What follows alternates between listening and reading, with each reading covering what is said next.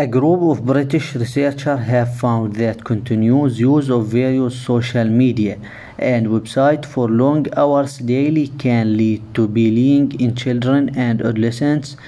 in the virtual world. The study also stated that children and adolescents who continuously post or even just comment and admire what others post on social media devote less time to other activities, especially sleep and exercise, which affects them negatively